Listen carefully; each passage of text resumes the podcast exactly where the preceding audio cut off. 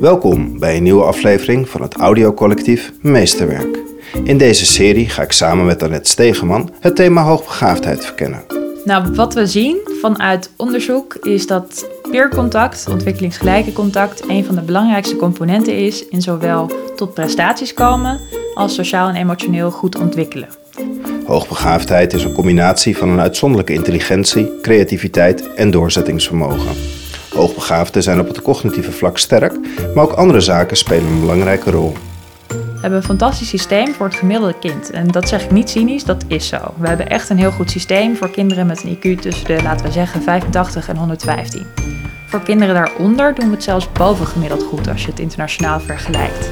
Maar voor kinderen met een bovengemiddeld IQ doen we het in de statistieken slecht. Nou, dan denk ik wel, jeetje Nederland, we hebben zoveel talent. Laten we het koesteren en proberen ieder zijn eigen pad te laten volgen. In mijn droomwereld hebben we geen specialisten meer nodig voor alle verschillende onderdelen. Maar kan een kind gewoon zichzelf zijn op school en is daar de juiste uitdaging bij. In deze serie spreken wij leerlingen met hoogbegaafdheid, ouders, leerkrachten en begeleiders om te leren van de verschillende perspectieven. Femke Hovinga is specialist in hoogbegaafdheid en specifiek hyperhoogbegaafdheid, de zeldzame intelligentie van een IQ van 145 plus. Femke is een multitalent. Ze heeft ervaring in bedrijfskundige vraagstukken, is wetenschappelijk gefundeerd en is ervaringsspecialist van hoogbegaafdheid van 0 tot 100 jaar. Dit is Meesterwerk. Welkom Femke in de podcast. Dankjewel, superleuk om erbij te zijn. Ja, leuk. We zijn in Zeist, in jouw bedrijfsruimte. Ja, in de rommelkamer. In de rommelkamer Ja. zitten wij. Tussen de boeken zitten we verstopt hier. Ja. En eh, aan de voorkant hier is de ruimte waar we de coaching doen en de begeleiding van ouders en kinderen en soms van eh, leerkrachten en andere mensen van scholen. Ja, want neem ons even mee. Wat doe jij? Want je doet een hele hoop. Ja, dat is het. Hoe leg Ja. ik dat uit in een paar zinnen? Maar we zitten hier nu bij Talentissimo en Scalic. Dit is ons gebouw waar ik met mijn vijf collega's zit. En Talentissimo is een platform voor hyperhoogbegaafden, oftewel 145 plus IQ kinderen en jongeren. En natuurlijk hun omgeving, dus de school en het gezin. En met Scalic ontwikkelen we IQ-testen voor vermoedelijk hoogbegaafden. En die zijn we nu aan het normeren. Dus we zien een heleboel verschillende kinderen van door heel het land op het moment. Met als doel om een test te maken die echt past bij hoogbegaafd denkende kinderen en dubbel bijzondere kinderen. Dus kinderen die hoogbegaafd zijn en een stoornis hebben. En daarnaast, en dat is weer een zijpaadje wat weinig met onderwijs te maken heeft, ben ik actief bij InterIQ. En dat is op het gebied van eh, werk en hoogbegaafdheid. En daarbij plaatsen we hoogbegaafden in het bedrijfsleven, terwijl ze misschien niet altijd de juiste diploma's hebben. En ik ben zelf aan het promoveren op werkgeluk van de hoogbegaafden op de werkvloer. Dus er zijn een heleboel verschillende dingen tegelijk, maar alles rondom hoogbegaafdheid. Hoe ben je op dit pad terechtgekomen? Ik ben opgegroeid midden in Utrecht stad, vlakbij de Dom. En mijn moeder bleef thuis bij mij en we gingen altijd leuke dingen doen op avontuur. En eh, nou, mensen leren kennen en gezellig en leuk. En toen ik twee was, begon ik opeens mijn moeder voor te lezen. Nou is mijn moeder orthopedagoog en die dacht, dat is vreemd. Maar goed, als het meisje blij is, dan zal het wel goed zijn. En ik was inderdaad blij en ik deed allemaal leuke dingen. Totdat ik op een gegeven moment naar school ging. Nou, ik zag er erg naar uit. Ik dacht, oh gaaf, met een klas en allemaal dingen leren en spannend ontdekken, bezig zijn. Maar eigenlijk bleek al heel snel dat ik heel anders dacht en heel anders wilde dan de andere kinderen in de klas. Dus het viel me heel erg tegen. Nou, ik begon me heel snel aan te passen, maar ik werd ook heel snel gepest, want ik was een beetje het vreemde vogeltje die met sterrenstelsel bezig was, terwijl de rest poppen naar elkaars hoofd gooide in de hoek. En ik voelde al heel snel van, nou hier pas ik niet, maar ja, ben ik dan niet helemaal goed of zo? Wat is er met me aan de hand? En toen werd ik getest en daaruit kwam een heel hoog IQ. Maar de prestaties waren er totaal niet naar. Ik kwam helemaal niet tot mijn recht op school. Dus ja, op school wisten ze niet zo goed wat ze met me aan moesten. En daar liep ik al heel snel vast. Nou, toen ik een jaar of zes was, zei ik tegen mezelf: van, nou, als ik dan later groot ben, dan wil ik iets gaan doen voor hoogbegaafde kinderen die ondanks heel veel potentieel toch vastlopen. Nou, ik heb een kleine omweg genomen via wonen en werken in het buitenland, andere studies doen, van alles eh, leuks geprobeerd. Maar op een gegeven moment dacht ik: hey, volgens mij had ik nog een belofte aan mijzelf openstaan. En toen ben ik de opleiding tot talentbegeleider gaan doen. Hey, en heel even terug, want, want uiteindelijk zei je, ik, kwam niet mee op die school. Wat, hoe is jouw schoolloopbaan verder gegaan dan? Is er een school gevonden die wel paste bij jou? Nou, met hangen en wurgen is het allemaal verder gegaan. Ik heb uiteindelijk wel groep 4 overgeslagen. Maar ik had, zoals heel veel hoogbegaafde kinderen, niet goed geleerd om te leren. Dus ik deed heel veel op begrip, maar eigenlijk kon ik niet zo goed stampen bijvoorbeeld en niet zo goed plannen. Nou, de bekende executieve vaardigheden. En ik vond heel veel dingen saai. En nou, daardoor kwam ik niet echt veel verder. Ik redde me op de basisschool nog wel goed. En mede doordat ze wel wisten dat ik heel ver voorliep, mocht ik wel naar het gymnasium. Maar daar ben ik na de eerste wel afgestroomd naar de HAVO. Omdat ik ook daar gepest werd, maar ook omdat ik niet goed had geleerd hoe ik me daarin kon zetten om wel resultaten te behalen. Nou, met hele heftige faalangst naar de HAVO, bijna afgezakt naar het VMBO. Nou is er niks mis met het VMBO, maar het was geen match voor mij. Dus gelukkig werd dat wel gezien. En met hangen, wurgen, zesjes en een heleboel strijd heb ik toen de HAVO uh, afgerond. Dus uh, ja, niet passend bij het potentieel, maar gelukkig niet uit het schoolsysteem gevallen, want dat gebeurt ook nogal eens. Ik ben wel benieuwd, want jij zegt net van ik, ik ga voor hyperhoogbegaafdheid, hè, dus 145 plus. Ja. Is er een verschil tussen 130 plus en 145 plus? Ja, ik richt me echt op hyperhoogbegaafdheid, dus inderdaad IQ 145 plus. Nou ben ik niet zo heel erg gericht op een cijfer van IQ, maar het gaat me meer om de groep kinderen die zich ook nog steeds niet goed thuis voelt en niet goed gelijk voelt bij een groep 130-plussers. Je moet je voorstellen dat op elke 100 kinderen zijn er twee hoogbegaafd, dus er zitten ook de 145-plussers bij. Maar het is maar ongeveer 1 op de 20 130-plus kinderen die een 145-plus IQ hebben. En als je hier nu buiten gaat staan en iedereen een IQ-test laat maken, wat me trouwens best grappig lijkt, maar laten we er maar niet aan beginnen, dan zou er op elke duizend voorbijgangers maar één hyperhoogbegaafde zijn. Dat zijn er gewoon niet heel veel. En dat merk je heel erg doordat ze heel vaak niet goed contact kunnen maken met ontwikkelingsgelijken, omdat die nou eenmaal heel zeldzaam zijn. Vaak zijn ze er wel binnen het eigen gezin, omdat er natuurlijk een flinke genetische component en grondslag ligt aan IQ. Maar um, binnen het gezin is het natuurlijk anders dan vrienden maken, dan leren spiegelen in je eigen klas of in je vriendengroep. En doordat kinderen dat vaak missen, voelen ze zich nog vaker de vreemde eend in de bijt dan de 130-plus kinderen. En als het dan gaat over de karakteristiekverschillen, is dat best een lastige vraag, omdat er weinig onderzoek naar is. Want ja, het is tenslotte een niche van een niche.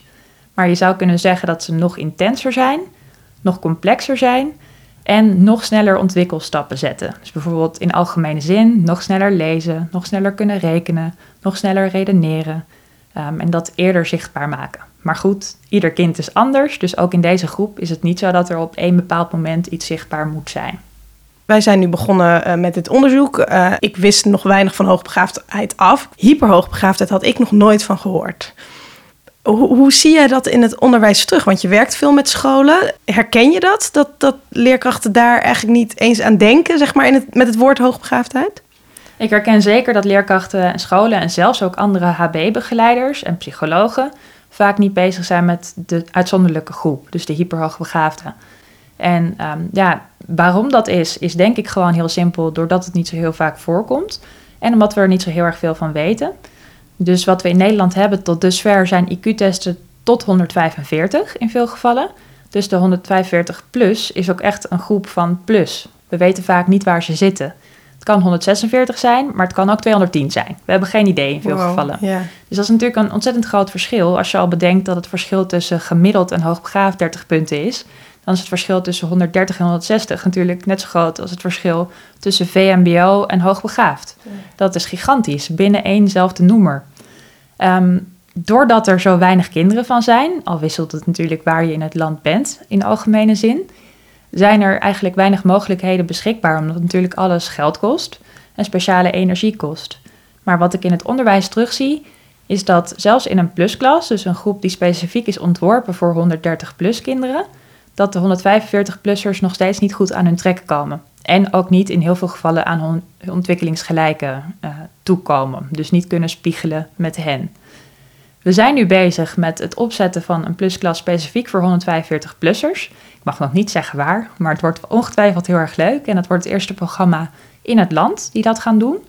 En ook geïnspireerd door verschillende programma's in Amerika, waar ik veel ben geweest de afgelopen vijf, zes jaar, om inspiratie op te doen. Daar is er veel meer differentiatie mogelijk.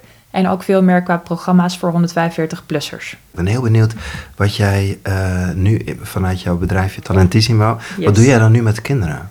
Wat doen we allemaal? nou ja, of even, wat doe je dan specifiek voor deze groep? Of, Nou, wat we zien vanuit onderzoek is dat uh, peercontact, ontwikkelingsgelijke contact, een van de belangrijkste componenten is in zowel tot prestaties komen als sociaal en emotioneel goed ontwikkelen. Nou, je ziet natuurlijk bij hoogbegaafde kinderen en dus ook des te meer bij hyperhoogbegaafde kinderen dat zij vaak wat andere behoeften hebben op een andere leeftijd dan het gemiddelde kind op school. Dus wat we bij Taantissimo doen, uh, zijn meerdere dingen, maar onder andere het organiseren van peercontact. Dat doen we door uitjes te doen naar leuke dingen, want het moet natuurlijk ook leuk zijn voor de kinderen. Het zijn ook gewoon kinderen. Maar door bijvoorbeeld cursussen gemologie te doen, dus dat is edelsteenkunde. Of door naar de faculteit diergeneeskunde te gaan in Utrecht om daar wat te leren. Of uh, ja, er zijn eigenlijk van allerlei dingen die we hebben gedaan samen met de kinderen, die altijd wel een inhoudelijke component hebben om te triggeren, maar ook gewoon leuk zijn om met ontwikkelingsgelijken in contact te komen. En het leuke is dat daar ook meteen heel veel wegvalt. Heel vaak komen ouders bij ons die zeggen van nou, mijn kind die, die leert niet, hij vindt eigenlijk niks leuk, het wil allemaal niet. En op een gegeven moment hebben we toen een cursus logica georganiseerd. Dus eigenlijk hoe bouw je een computer, maar dan vanuit de wiskundige achtergrond op papier voor kinderen tussen de 6 en 10 jaar. Nou, werkelijk, het duizelde mezelf van alle kanten. Maar die kinderen vonden het fantastisch. En ehm, elke keer dat ze geweest waren, gingen ze nou, heel anders weer naar huis toe. Op een gegeven moment, die specifieke moeder, die belde toen ook en die zei, nou, ik heb een heel ander kind. Op school wil hij weer. Hij heeft gezien dat er meer kinderen zijn zoals hij. Met die kinderen wil hij wel spelen. En daarmee bedoel ik ook gewoon dingen als tikkertje doen. Of gewoon uh, stomme spelletjes op de computer die verder geen inhoud hebben, maar gewoon leuk zijn. En ja, dat een heel ander kind ontstaat. En het leukste was op de laatste dag van de cursus Logica mochten we naar de TU in Eindhoven. Naar de informatica god van Nederland, professor Grote. En hij is echt heel goed in zijn vakgebied en heel gerenommeerd. En hij gaf een college en hij vond het heel spannend. Want ja, natuurlijk heeft hij normaal bachelor- en masterstudenten daar zitten. En nu had hij zo'n groep guppies die alleen maar zaten te bewegen voor hem tussen de 6 en 10 jaar. En op een gegeven moment eh, ging er zo'n handje omhoog voor me. Ik zat achteraan te beschouwen hoe ze geconcentreerd naar die man aan het luisteren waren. En ja, je zag de professor al kijken van, nou, nu moet ik vast een slide terug. Het was vast toch te intens. Dus nou, jongetje zegt, goh, wilt u even een slide terug? Dus die man, nou oké, even slide terug. Ja, want daar linksbovenaan, meneer, uh, die poort daar, daar zit dus een fout in het, uh, het systeem. Dus die man die draait zich om en je ziet hem echt, uh, wow, wat gebeurt er hier? En inderdaad hoor, hij zegt, oh, nou, dit is echt, uh, ik heb het zelf ontworpen. Ik geef al drie jaar dit college aan bachelorstudenten. En jij komt hier één dag en jij vertelt me dat er een fout in dit logische systeem zit. Wauw. nou, dat is toch te gek. Als je zo'n kind aan het werk kunt zien en kunt zien genieten met uh, kinderen die net zo denken als hij. En het waren ook meisjes trouwens, maar in dit geval een jongetje. En die daar ontzettend in op kunnen gaan. Nou, dat is te gek. Daar gaan we voor. En dat nemen ze ook weer mee terug naar hun eigen school en naar hun eigen huis. En daarnaast, uh, weer iets heel anders, uh, doen we begeleiding van ouders en van kinderen. Soms tegelijk, soms los, soms maar één van de twee. Om te werken aan van alles. Ook zeg maar gewone kinderproblemen die ze tegen kunnen komen. Maar dan gericht op een, een aanpak die past bij de hyperhoogbegaafden. En uh, we doen heel veel lezingen, trainingen, uh, van alles. Voor professionals, maar ook uh, voor ouders, voor scholen. Um, voor eigenlijk alle verschillende doelgroepen om te zorgen dat er meer bekend wordt over dit thema. En over alle verschillende subthema's die daar ook bij horen. hoe ga je met zo'n groep om, met de kinderen? Want ik, één deel is inhoud, hè, dat ze uitgedaagd worden. Ja. Maar volgens mij is een, een sociaal onderdeel ook heel belangrijk. Hoe praat je over, ga je met die groep om? Wat, wat trek jij uit jouw sociale kast om goed aan te sluiten bij die kinderen? Er is meer nodig dan inhoud, maar als je deze vraag stelt, denk ik eigenlijk, nou, ik doe niet echt iets anders. Eigenlijk praat ik met kinderen net zoals ik met jullie praat. Ik gebruik ook dezelfde woorden. Alleen daarnaast blijven het natuurlijk wel gewoon kinderen. Um, dus heb je ook een bepaalde pedagogische aanpak. Maar ja, er is niet één specifiek recept voor. En het leuke in zo'n groep is dat je ook ziet dat ze elkaar heel snel vinden. Waar sommige van de kinderen eigenlijk door hun eigen juf of meester als niet zo sociaal worden bestempeld, lopen ze daar vaak echt weg met andere kinderen en denk je dat ze al jaren beste vrienden zijn. Ik heb het ook gehad toen we op een activiteit waren ergens anders. Dat de twee meiden hand in hand, gezellig springend door de gangen liepen. Dus ik zeg, oh wat leuk, waren jullie samengekomen? Nee, nee, we hebben elkaar een uur geleden ontmoet. Zo leuk. Dat, uh, en hoe kijk ja. jij dan aan tegen, tegen plusklassen en, en voltijd HB-onderwijs? Want daar zit ook heel veel verschil in van wat mensen zeggen wat goed is voor de kinderen. Mm -hmm. hoe, hoe zie jij dat? nou, ik, er is inderdaad heel veel verschil in wat goed is voor de kinderen. Dat zie ik ook hier in de praktijk terug. We hebben 145-plussers die op het regulier onderwijs zitten zonder aanpassingen met wie het goed gaat. We hebben ook kinderen die al in de meest geavanceerde plusprogramma's zitten met wie het nog steeds niet goed gaat. Dus er is een super brede range en er is wat mij betreft zeker niet één goed antwoord. Wat ik altijd het belangrijkste vind, en gelukkig in eh, bijna alle gevallen de ouders ook, is dat een kind goed in zijn vel zit. En wat daarbij passend is, is echt voor elk kind anders. Ik moedig het in algemene zin zeker aan dat er programma's zijn voor hoogbegaafde kinderen waar ze terecht kunnen, omdat er zeker een groep is die daar heel veel profijt van heeft. En um, voor de hyperhoogbegaafde 145-plussers zou het natuurlijk ook heel mooi zijn als daar wat programma's voor gaan ontstaan. Nou, zo ziet het er nu gelukkig wel uit. Dat die mogelijkheden er zijn. En heel vaak krijg ik dan ook de vraag van ja, vervreemden ze dan niet van de maatschappij, zeg maar, van hè, het gewone leven. En dat vind ik best een lastige, want dat ligt ook heel erg aan hoe het kind er naar kijkt en wat een kind verder doet. Ik ben een groot voorstander van actief frustreren af en toe. Dus je hoeft echt niet alles makkelijk te maken en alles helemaal passend te maken. Want zo gaat de wereld niet worden. Dat is die voor mij ook niet. Niet geweest en nu niet. Maar je kunt zelf een heleboel doen om het voor jezelf beter te maken. En daar wil ik altijd graag op inzetten met gezinnen, ook met scholen overigens. Om daar naar te kijken. Wat kun je nou zelf doen? En als een plusprogramma daar een onderdeel van is, heel fijn. Als het niet nodig is of niet past, ook goed. Maar de mogelijkheid om het te hebben is in elk geval wel heel fijn. En dan met name, ook vanwege de uitdaging, maar met name ook vanwege die ontwikkelingsgelijken die ze daar zullen treffen. is het echt maatwerk? Ja, ja. En ik weet heel goed, ik kom natuurlijk veel op scholen en in klassen.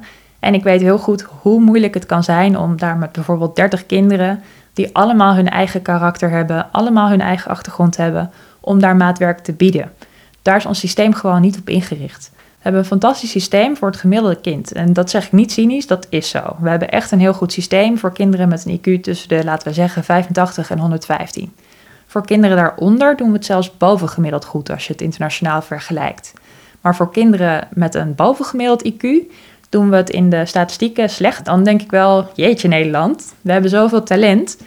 Laten we het koesteren en proberen ieder zijn eigen pad te laten volgen. En bedoel ik niet dat als je 145 plus IQ hebt, dat je arts moet worden of moet promoveren of hè, dat je per se allemaal heftige opleidingen moet doen. Maar als je dat wilt, dan moet die kans er wat mij betreft zeker wel zijn. En zo kijken we niet altijd naar het onderwijs hier. En je vertelde net dat je in de VS was geweest en daar heel veel inspiratie hebt opgedaan. En dat daar ook veel meer mogelijk is. Wat, wat, wat is daar dan in vergelijking tot hier? Wat wordt daar anders gedaan? In de VS is er natuurlijk meer mogelijk omdat het heel veel groter is. Ik heb het een keer opgezocht, omdat ik daar ook wel eens lezingen geef. En Nederland past 237 keer in de VS. Dus je kunt je voorstellen dat het ook heel andere mogelijkheden met zich meebrengt. Daarnaast wordt er in Amerika iets meer gekeken naar excelleren. En daarmee bedoel ik niet zozeer het anders zijn, want ook dat is nog wel echt lastig daar, maar wel schoolprestaties. Dus waar we hier nog wel vaak zoiets hebben van nou een zesje en dan lekker in de pauze eh, buiten met je vrienden hangen is echt helemaal prima is het daar toch wel meer gericht op. Het is wel heel erg tof als je gewoon een 9 haalt. Maar dat doen niet alle kinderen. Niet alle hoogbegaafden en hyperhoogbegaafden halen negens. Natuurlijk hebben we de cognitieve potentie wel, maar je hebt nog veel meer nodig om te presteren dan cognitie. Um, dus in de VS hebben ze een heleboel programma's opgezet. Um, deels gericht op uitdaging, maar deels ook gericht op juist het peercontact. En wat je daar ziet is, omdat het veel groter is, dat er een aantal staten zijn waar veel mensen naartoe verhuizen, waar het heel goed geregeld is. Je hebt bijvoorbeeld in Reno, Nevada, heb je de Davidson Academy. En dat is een school die specifiek voor de highly and profoundly gifted, zoals het daar dan zo mooi heet, is. En ik geloof dat ze je daar pas aannemen met een IQ van af 150, zeg ik even uit mijn hoofd. Maar in ieder geval is het zeker boven de 145, want ze hebben echt die speciale nichegroep. En zij hebben een kaart hangen. Ik ben er een paar jaar terug uh, geweest. En die kaart hangt daar met allemaal punaises waar kinderen uh, vandaan verhuisd zijn. En over de hele VS, uit elke staat, komt er minstens één kind. Dus al die mensen die komen daar maar naartoe om het beste voor hun kind te vinden. Wat doen ze daar op school? Wat zie je daar wat je aanspreekt? Wat, wat werkt goed? Wat heel goed werkt is dat ze samenwerken met de universiteit. Dus uh, je hebt daar een hele goede universiteit, zoals er meerdere goede natuurlijk zijn in de VS. En zij hebben programma's helemaal op maat die passen bij het intellect van die groep kinderen. Dus ze kunnen daar gewoon universitaire studies al gaan volgen terwijl ze daar zitten. En ze worden heel erg uh, uitgedaagd. Er wordt meer op maat gewerkt. En het fijne is dat er ook uh, scholarships voor beschikbaar zijn. Dus dat er niet alleen maar de elite komt. Natuurlijk is dat lastiger in de VS, omdat heel veel onderwijs particulier bekostigd wordt. Maar er zit niet alleen maar elite en dat is ook heel fijn. Dus je hebt echt verschillende achtergronden die bij elkaar komen. En ehm, wat ik heel goed vind, is dat ze echt kijken naar waar zit dit kind nou echt qua potentie. Want je moet je voorstellen dat een 145-plus kind van 9 jaar de cognitieve uh, mogelijkheden heeft van een 18-jarige, een gemiddelde 18-jarige. En dat is natuurlijk een gigantisch verschil, want een 9-jarige is natuurlijk ook nog gewoon 9. Houdt misschien wel van uh, verstoppertje spelen of in zo'n huisje in de speeltuin klimmen. Dat is prima. Maar aan de andere kant, als je het vermogen hebt van een 18-jarige, heb je daar natuurlijk aanpassingen op nodig. En wat ik heel mooi vind om daar te zien, en op de andere hyperhoogbegaafde programma's die ik in de VS heb gezien, is dat ze daar ruimte voor bieden. Dus de sociaal-emotionele ontwikkeling en het leren. Nou ja, kijkend naar wat er is en wat er kan, eigenlijk meer denkend in mogelijkheden dan dat we hier doen. En kan je me dan eens meenemen, of misschien met een mooi voorbeeld, hoe je dan een school in Nederland begeleidt met een kind met hoogbegaafdheid? Want je zegt dat het systeem bij ons is ook wel ingewikkeld, of het is zo ingericht. Wat, wat heb je dan meegenomen wat je hier een school of een kind bij kan helpen? Als er een vraag komt over een 145-plus kind, dan is het bijna altijd toch wel maatwerk. Daarom komen wij ook in beeld. Dus gaan we ook aan de slag met maatwerk. En maatwerk kan van alles zijn. Bijvoorbeeld afgelopen jaar was er een jongetje van zes die twee klassen had overgeslagen, maar daarbij uh, genoeg had gemanipuleerd om niet te hoeven leren schrijven bijvoorbeeld. Want dat vond hij stom. Hij kon het vast wel als hij het ging proberen. En die eigenlijk niet zo goed wist hoe die basisdingen moest berekenen, maar wel de moeilijke sommen. Maar de stappen die ertussen kwamen, daar had hij geen idee bij. En hij had wel een heleboel interesse in dingen, maar hoe hij iets op moest zoeken, dat wist hij eigenlijk ook niet.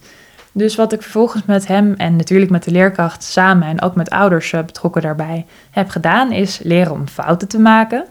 Uh, kijken naar hoe die iets aan kan pakken, want die cognitie is er wel, maar hoe krijg je het uit je vingers? En allemaal met als doel, want hij was heel geïnteresseerd in techniek en ook in auto's. Nou, dat samen maakte een autofabriek. Daar wilde hij wel graag een keertje achter de schermen kijken. Maar eigenlijk mag dat niet, want je moet er eigenlijk 15 voor zijn. Dus toen heb ik gezegd, nou, als jij deze skills uh, met mij gaat ontwikkelen, gaan wij zorgen dat jij naar een autofabriek kan achter de schermen. Dus nou, dat was voor hem een hele mooie trigger om dingen te gaan leren. En tuurlijk vond hij het lastig en af en toe kon hij me volgens mij wel mappen dat we ermee doorgingen. Maar hij heeft dus wel heel veel geleerd en in een leuke vorm. Met schrijven hoefde hij niet aapnoot en mies over te schrijven. Maar mocht hij een brief schrijven naar, die ik inmiddels had gesproken, uh, een engineer in de autofabriek met wat hij wilde leren en wat hij al wist van auto's. En dat in etappes opbouwend. Dus het eigenlijk ophangend aan een project en heel erg top-down kijkend. In plaats van we beginnen bij aapnoot mies en dan kijken we wel of we bij een auto uit gaan komen ooit, zeg maar. Dus dat is een manier om dat te doen. En in een klas is dat lastig. Deze juf, dat was echt een hele lieve en goede juf. Maar ze had ondertussen ook een ontzettend laagbegaafd kind in haar klas. Die heel veel, terecht ook wel, maar die ook heel veel aandacht vroeg op een compleet andere manier die uh, nou ja, twee rijtjes uh, verder van dit specifieke kind zat. Dus het was een beetje van links naar rechts de hele dag. En dan zat er ook nog de rest van de klas.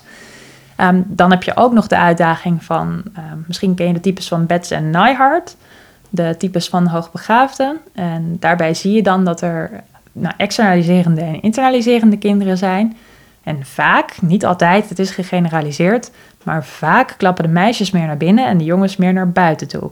Dus wat ook zo interessant is, is dat van de cliënten die we hebben, nou, 75% zijn jongens. En statistisch gezien kan dat niet. Het is echt 50-50. En misschien zal het 49-51 zijn, de een of de andere kant op. Maar er is geen seksenverschil in intelligentie. Maar wel in hoe het zich uit. Dus daar kijk ik ook heel graag met leerkrachten naar. Hoe observeer je nou in de klas? Wat kun je zien achter het gedrag? Of achter wat een kind zit te doen? Kan je dat verklaren, dat jongens zich dan het anders uit dan meisjes? Want als er geen biologische aanleiding voor is, dan is het dus iets wat, wat, wat in de cultuur dan zit. Dus jongens stimuleren we misschien wel op een andere manier te uiten. Kijk, het is allemaal gegeneraliseerd en er is dus niet één goed antwoord. Maar jongens zijn vaker wat fysieker ingezet dan, dan meisjes. En meisjes hebben vaker de drang om ergens bij te horen dan jongens. En um, jongens laten dus vaker sneller zien dat ze zich vervelen door bijvoorbeeld clownsgedrag te gaan vertonen of te gaan irriteren, misschien zelfs wel pesten in sommige gevallen. Vaak. Het is niet altijd zwart-wit, maar we zien vaak in het onderwijs hoogbegaafde meisjes sneller over het hoofd, omdat ze zich aanpassen. Dus bijvoorbeeld ook als ze de school binnenkomen, meteen weer afleren wat ze al wisten. Wat ook in de vorige podcast ter sprake kwam. Ja, dat vond ik best schrijnend. Dat, dat, Dat het in een hele korte tijd dingen worden afgeleerd. Ja. Dus wat, wat kunnen we het onderwijs meegeven om hier wakker op te zijn? Dat je, dat je het vroeg signaleert. Of dat je snel de, het, eh, het goede doet voor het kind. Nou, ik ga me aansluiten bij Colette hier. Die zei van doe al bij de intake eh, nou, iets met aandacht voor eventuele ontwikkelingsvoorsprong. Of misschien eventuele juist achterstanden. Hè, afhankelijk van hoe je kijkt en wat je, wat je in zo'n klas eh, aan bod kunt laten komen. Maar je hebt bijvoorbeeld het boek Five Levels of Gifted. Ja, het staat hier in de kast. Ja. Dat staat hier in de kast inderdaad. Ik zat even opzij te gluren. Van eh, Dr. Deborah Roof. En zij heeft onderzoek gedaan onder 78 kinderen. En kijkend naar de vroege ontwikkelingskenmerken die daarbij horen. En zij heeft ook een lijst ontwikkeld die je heel mooi kunt gebruiken op school om te signaleren. Is het waterdicht en 100% eh, kloppend altijd? Zeker niet. Maar is het een mooie indicator? Absoluut. En zo kun je ook kijken naar het boek van Lilia- Lilian van der Poel Schipper, dus gewoon een Nederlandse dame, ook talentbegeleider. En zij heeft een boek geschreven over beide handen baby's en pittige peuters, als ik hem zo uit mijn hoofd goed zeg. En dat gaat ook over vroeg signaleren en kijken wat er speelt. Dus wat, eh, wat voor gedrag er al vroeg te zien is. En hè, nogmaals, dat zeg ik altijd liefst 300 keer per, per gesprek wat ik heb. Ieder kind is anders. Een hyperhoogbegaafd kind is ook gewoon een kind met een eigen karakter, een eigen achtergrond, een eigen familie. En dat heeft ook allemaal impact. Dus het is niet zo dat het altijd hetzelfde is. En daar vergissen mensen zich ook nog wel eens in. Van, ah, maar dit is helemaal niet zo'n nerdje met een brilletje die allemaal wijze dingen zegt. Nou, is dat een slimmer? Nou, echt? Dus het vereist ook kijken naar wat er achter het gedrag zit en wat er verder speelt bij het kind. En niet alleen maar wat er aan prestaties uitkomt. En, en zie je scholen die het goed hebben ingericht, dat ze het eh, in gezamenlijkheid goed doen voor de ouders, voor de kinderen? Of wat, wat is, Colette roept op van zet er een hoogbegaafdheidsspecialist bij. Gisteren spraken wij een leerkracht die zei eigenlijk van nee, je zou eigenlijk in het schoolteam iemand hebben die, die er gewoon veel oog voor heeft. Hoe zie jij dat, dat een school zich kan organiseren om het, ook het zeldzame kind goed te kunnen zien en dan vervolgens het goede te kunnen doen? In mijn droomwereld hebben we geen specialisten meer nodig voor alle verschillende onderdelen. Maar kan een kind gewoon zichzelf zijn op school en is daar de juiste uitdaging bij. En of het dan een kind is wat heel moeilijk mee kan komen, of een kind wat juist heel erg ver cognitief voorloopt, dat dat, ja, natuurlijk maakt het uit in de aanpak, maar dat het niet uitmaakt in welke skills er aanwezig zijn op een school. Dus uiteindelijk zou ik het wel heel fijn vinden als je geen hoogbegaafdheidsspecialisten meer nodig hebt, um, maar dat het gewoon onderdeel is van het onderwijsprogramma. En dat hoe het kind ook is, dat er een plek en de juiste uitdaging te vinden is. Dan is er aan ons leraaropleiding nog een hele grote uitdaging. Ja, jullie hebben nog een uitdaging Ja. voor het boeg. Wat, wat is Nee, de is, opdracht eh, die je ons meegeeft? Oh jee, nou, het is, eh, ik praat natuurlijk nogal in een utopie, hè, dat we het allemaal helemaal Nee, inclusief ik, kunnen doen. Geef ons een richting. Ja, ehm, het mooiste wat jullie kunnen doen, wat ik ook begrijp dat jullie al doen, is heel vroeg laten weten dat er heel veel verschillen sta- bestaan in de klassen die de studenten die jullie zien tegen gaan komen. En er zijn een heleboel manieren om te signaleren. En we hadden het net ook al over observeren. Gewoon ga eens kijken en ga eens zien wat een kind doet en wat de verschillen zijn. En het allerbelangrijkste is denk ik, zie het kind. Eh, kijk gewoon, laat het kind zichzelf zijn. Vaak hebben hoogbegaafde kinderen andere humor. Nou, niet alle leerkrachten vinden die humor ook grappig. En dat kan ik me ook soms best wel voorstellen. Maar als er elke keer een beetje honend wordt gelachen of met ogen wordt gerold, gaat een kind zich natuurlijk helemaal niet meer gezien voelen en niet meer zichzelf kunnen zijn. En dan ben je eigenlijk nog veel verder van huis, zowel als leerkracht als voor het kind. Want het kind gaat zich dan aanpassen en niet meer zichzelf zijn. En daarmee misschien wel juist clown worden. Of vervelend doen. Of juist helemaal niet meer opvallen en niet presteren. Dus door te zien en misschien even af en toe echt één op één in te checken, zou je daar een heel groot verschil mee kunnen maken. En nu, als ik nu jonge leerkrachten spreek, trouwens de ouderen ook hoor, maar als ik nu denk aan de studenten die net van de PABO komen, dan hebben ze vaak heel weinig geleerd over meer en hoogbegaafdheid. Terwijl als je kijkt naar de groep meerbegaafden, dan heb je het toch over 15% van alle kinderen die zij gaan zien. En natuurlijk is een kind met een IQ van 116 niet, niet per definitie extreem, maar het is wel een kind wat al wat meer uitdaging nodig heeft dan het gemiddelde kind. Dat zijn 15 op elke 100 kinderen. Dat zijn 5 kinderen in je klas van 30 kinderen die dat dan nodig hebben. Als je die groep over het hoofd ziet, dan vergis je ook in het potentieel wat zij hebben voor de maatschappij van later. En daar ben ik groot voorstander van om te stimuleren wat ieders talent is. Als iemand heel creatief is of heel muzikaal, dan vinden we dat allemaal te gek. En dan zeggen we, ja, ga lekker schilderen en ga lekker gitaar spelen. En we organiseren avonden voor je, je mag op een podium. Maar zorg nou dat deze kinderen die cognitief een voorsprong hebben, op hun eigen manier een podium krijgen. En dan komen we er wel. Mooi hè? Ja. nu nog even doen. Waar, ik- waar ik een beetje mee, mee eh, struggle, of niet struggle, maar waar, eh, wat, wat mijn vraag eigenlijk steeds is, want jij bent zelf ook hoogbegaafd, hè? Dus ik kan me voorstellen dat jij eh, deze kinderen ontzettend goed kan begrijpen. Misschien ook de humor beter kan begrijpen, eh, wat ze nodig hebben beter kan begrijpen. Dus er zullen veel ouders en, en leerkrachten zijn die jij ook begeleidt, die zijn dan niet hoogbegaafd. Als je niet hoogbegaafd bent, wat, wat kan je doen om toch die wereld in te komen? Dat is mijn vraag. Mensen vragen ook wel eens van, nou, moet je nou zelf hoogbegaafd zijn om een hoogbegaafd kind te begeleiden? Dat vind ik best een lastige vraag, want ik denk inderdaad wat jij zegt dat het wel makkelijker maakt om ervaringsdeskundige te zijn. En het helpt kinderen ook vaak en jongeren als ik zelf vertel hoeveel ik heb gestruggeld. En hoe moeilijk ik het heb gehad op school, hoe anders ik me voelde en hoezeer ik eigenlijk het liefst gewoon thuis was gebleven. En ehm, hè, dat, dat mijn jeugd, ik heb het thuis gelukkig altijd goed gehad, maar dat mijn jeugd op school echt lang niet altijd leuk was. Zelfs het grootste deel niet. Ik mocht niet mee op schoolkamp bijvoorbeeld, omdat de meester mij zo ontzettend stom vond dat het allemaal niet ging. Nou, als ik dat aan kinderen vertel, dan zie ik meteen van, oh, oh, maar dit soort dingen maak ik ook mee. Maar ik ben dus niet alleen. Er zijn ook volwassenen die ik wel degelijk leuk vind. Althans, hoop ik dan maar dat ze me leuk vinden. Maar die, hè, waar ik herkenning in kan vinden. En dat maakt het wel in zekere zin makkelijker om de connectie te krijgen. Maar dat betekent wat mij betreft niet dat een leerkracht die niet per se hoogbegaafd is, dat niet zou kunnen. Ehm, en wat je kunt doen om, je, nou, om dat begrip te krijgen, is wat mij betreft je echt goed inlezen. Maar ook wederom weer gewoon echt kijken naar verschillende kinderen.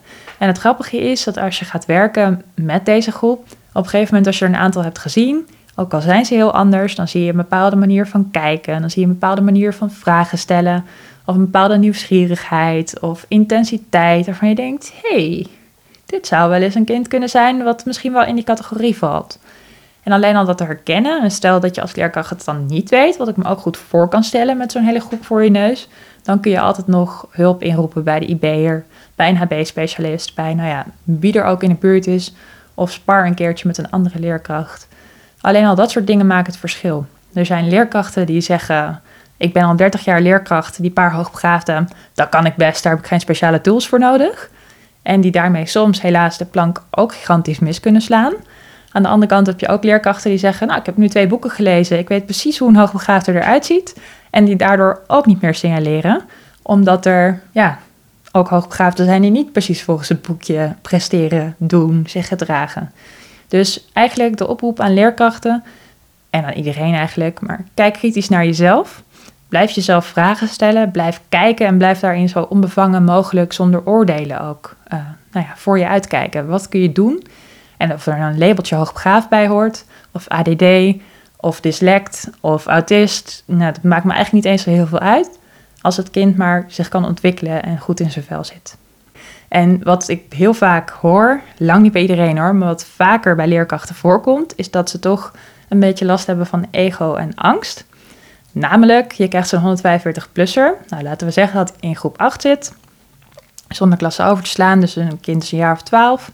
Um, maar loopt dusdanig ver voor dat ze best wel cognitief op ongeveer hetzelfde niveau kunnen zitten als een jonge leerkracht. En dat kan best wel bedreigend zijn, omdat de autoriteitsverhouding natuurlijk daar niet naar is. En als je dan ook nog een jonge leerkracht bent die net begint in een klas en uh, nou, een opdracht geeft en iets niet goed uitlegt en je net denkt, oh, ik heb die opdracht gelukkig goed uit weten te leggen en dan komt er zo'n wijsneusje die zegt, um, bij zin 3 zei je iets precies verkeerd om. Ja, dan is het best, denk ik, lastig om te zeggen van... goh joh, dat heb je goed gezien. Maar als kinderen steeds horen van... ja, niet zo wijsneuzerig doen... of hè, bemoei je er niet mee... of goh, ja, dan, dan gaan ze het ook niet meer zeggen. En alleen al het zien is hier denk ik weer... wat hen ook zich gezien laat voelen. Ja, en, en zonder oordeel eigenlijk ook hè, erbij. Gewoon dus luisteren en Ja. erop aansluiten. Ja, maar dat kan wel. En ik heb echt ook wel oordelen hoor. Maar ik probeer altijd open te kijken naar wat er gebeurt. Ja. Waar ik nog wel benieuwd naar ben, want je zei aan het, helemaal aan het begin dat je ook met het talent scout. Dus mensen, op je website staat ook dat je mensen tot 99 jaar begeleidt met hoogbegaafdheid, met talent. Hoe vergaat het de hoogbegaafde later in zijn leven? Wat zie je daarin? En dan eigenlijk daarna de vraag dan, en wat kunnen we daarmee voor het onderwijs, wat kunnen we daarvan leren? Ja, nou, er is best veel onderzoek gedaan naar hoogbegaafdheid en uitkomsten daarvan later in het leven. Er is weinig onderzoek gedaan naar hyperhoogbegaafdheid later in het leven. Als je kijkt naar life achievement, dat is natuurlijk Engelstalig onderzoek zoals heel veel, dan heeft IQ daar eigenlijk weinig invloed op. Um, waar IQ wel een hele sterke correlatie mee heeft, is of je een opleiding gaat volgen. Maar ook die is niet altijd waar. Want we zien helaas, een schatting is dat er misschien wel 25% van de hoogbegaafden uit het onderwijssysteem valt voor ze iets hebben afgerond. En lang niet alle hoogbegaafden halen een opleiding op niveau, zoals we het dan maar noemen. Dus HBO of WO. En zelfs WO zou cognitief gezien veel te makkelijk zijn voor een hoogbegaafde. Dus het is eigenlijk gek dat we daar niet op aan weten te sluiten. Ik denk als je in het onderwijs werkt, iets wat je heel vroeg kunt doen. Sowieso ben ik een groot voorstander van nou, vroeg signaleren, maar ook zo vroeg als het gaat kijken naar wat een kind nodig heeft. Omdat er snel wordt aangepast door kinderen die graag erbij willen horen en zien dat ze anders zijn. Maar ook omdat hoe eerder je bent, hoe makkelijker het nog is voor het kind, maar ook voor de leerkracht en de omgeving om aanpassingen te maken. hoe verder je gaat uh, door een, ja, een, vierkantje in een rondje te willen proppen soms, wat helaas wel eens gebeurt, hoe moeilijker het wordt om dat later nog weer uh, terug in een vierkantje te gaan boetseren. dan zijn er hoekjes afgesplinterd en er zijn allemaal dingetjes aan misgegaan. En dat is voor het kind heel vervelend, maar daarmee, uh, ironisch genoeg, maak je het ook voor jezelf als leerkracht of, of professional in de school een stuk moeilijker. Zo eerder je begint met iets bieden op niveau, hoe fijner. En ik denk dat er heel veel aandacht mag zijn niet bij alle kinderen, want sommige kinderen kunnen het van zichzelf vrij goed. Maar vaak lopen hoogbegaafde kinderen vast op de executieve vaardigheden, omdat ze al uh, als babytje niet hebben hoeven oefenen. En dat zie je bijvoorbeeld als een klein kindje in de box ligt. Ook niet alle kindjes doen dit, maar dat horen we wel vaker terug. Dat ze in plaats van 27 keer proberen te grijpen naar het speeltje naast ze, dat ze heel uitgebreid gaan kijken en dan één of twee pogingen doen. Dus ze leren niet om te falen, ze leren niet om door te zetten, ze leren niet om te oefenen. Van vroeg af aan lukt het gewoon veel sneller. Dus onderzoek zegt dan dat een gemiddeld begaafd kind in een klas een herhaling of 10 tot 13 nodig heeft van de leerstof voor het beklijft. Bij een hoogbegaafd kind zou dat een keer of 3 tot 5 zijn en bij een hyperhoogbegaafd kind vaak 1, 2, soms 3 keer. Dus daar kun je echt op inzetten. Ga niet herhalen, maar ga werken aan de skills die erachter liggen. Want die heb je vroeg of laat nodig, ook al komen ze vaak de basisschool goed door met begripsleren. Het leren, leren en het gewoon stampwerk en het concepten opbouwen ga je echt nodig hebben, waar je ook belandt. In, hoe heb jij dat dan geleerd? Want je vertelde, ik heb eigenlijk met hangen en wurgen heb ik de HAVO gehaald. Hoe heb jij uiteindelijk leren leren? Of hoe ben jij aangegaan? Ja, dat is. nou, ehm, toen ik in 5 HAVO zat, ben ik uh, gescout door BNN. Die hadden toen een jong talentprogramma voor de radio. En zij uh, stonden op de studiebeurs. Ik weet niet of die nog bestaat, maar daar ging je eigenlijk vooral heen om studiepunten en heel veel pennen te halen destijds. En uh, zogenaamd dan heel erg geïnteresseerd naar verschillende universiteiten te kijken. Maar daar stond dus ook BNN te scouten en ik mocht een test doen.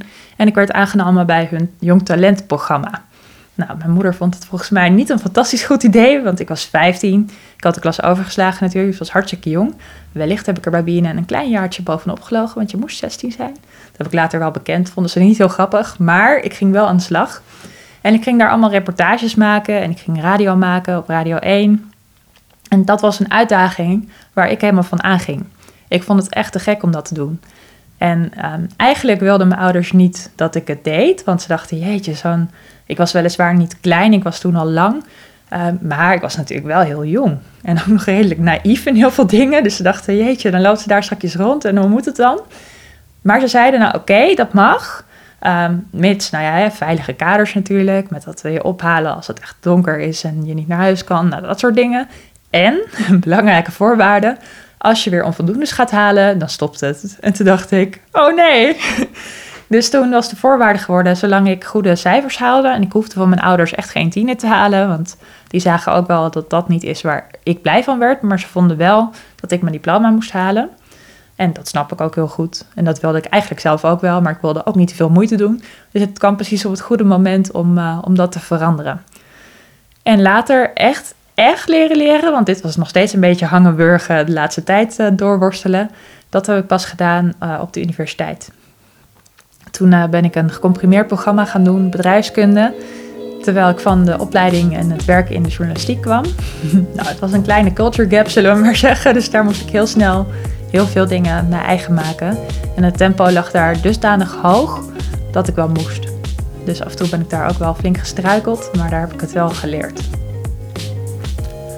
Volgens mij hebben we alles gevraagd. Ja, we hebben zoveel verteld. Ik echt super gaaf. Dankjewel. Ja, heel graag gedaan. Dank jullie wel. En uh, zet het goede werk voort. Meer podcastafleveringen van Meesterwerk zijn te beluisteren via Spotify, iTunes, Soundcloud of kijk op janjapubeek.nl. Je kunt deze aflevering een duimpje of een aantal sterretjes meegeven, zodat meer mensen deze podcast makkelijker kunnen vinden. Hoe dan ook, tot de volgende aflevering van Meesterwerk.